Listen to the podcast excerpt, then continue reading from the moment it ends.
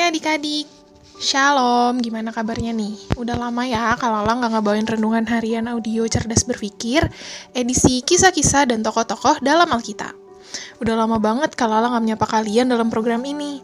Semoga kita bisa belajar hal bermakna meskipun sederhana.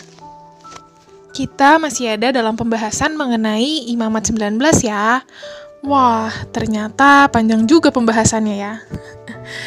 Ini udah episode yang ketiga loh. Ya, memang isi pembahasan dalam Imamat 19 itu penting banget.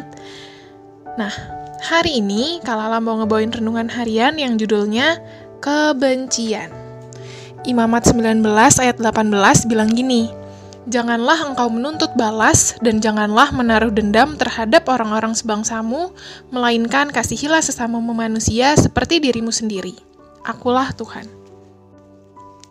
Ayat ini udah jelas banget kan? Orang Israel, bahkan kita diajarkan untuk nggak menuntut balas dan nggak menaruh dendam kepada orang lain. Ini ada kaitannya dengan ayat sebelumnya yang udah dibahas kemarin tentang kebencian. Soalnya, seseorang yang membenci orang lain itu bisa kayak punya dendam gitu. Hmm, yaitu kayak semacam keinginan untuk membalas orang itu yang udah bikin dia sakit hati. Nah, balas dendam biasanya bisa berupa menyakiti, bahkan paling parah bisa sampai membunuh orang yang dia benci. Bisa juga menyakiti orang-orang di sekitar orang yang dia benci itu.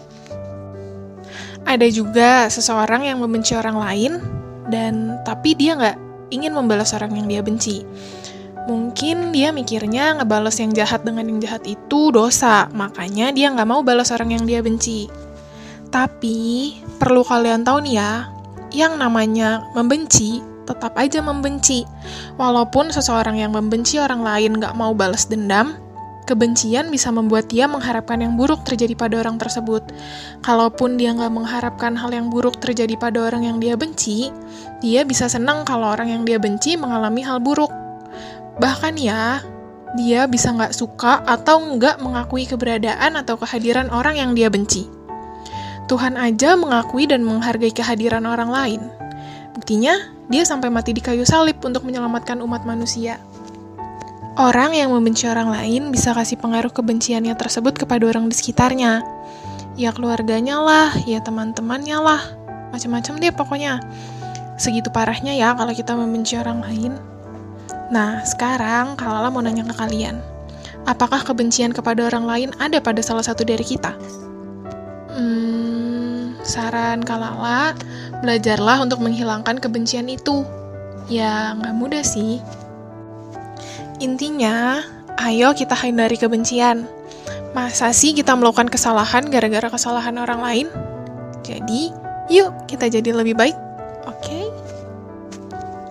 Berdoa yuk.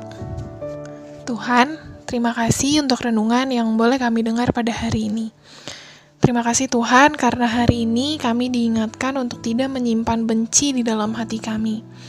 Hari ini kami mohon ampun ya Tuhan apabila di antara kami masih ada yang menyimpan rasa benci dan gak suka terhadap orang lain. Biarlah Tuhan yang lembutkan hati setiap kami agar kami boleh dengan tulus hati melepaskan pengampunan bagi orang-orang yang secara sadar maupun mungkin tanpa sadar telah menyakiti hati kami. Kami bukanlah manusia yang sempurna, tetapi biarlah Tuhan sendiri yang menyempurnakan kami dari hari ke hari, agar kami boleh semakin serupa dengan Engkau. Berkati setiap kami yang sudah mendengarkan firman-Mu pada hari ini ya Tuhan. Dalam nama Tuhan Yesus kami berdoa dan mengucap syukur. Haleluya. Amin. Oke, Kalala undur diri dulu ya. Tetap sehat, tetap semangat, dan tetap jadi berkat. Jangan lupa bahagia ya. Tuhan Yesus memberkati. Dadah!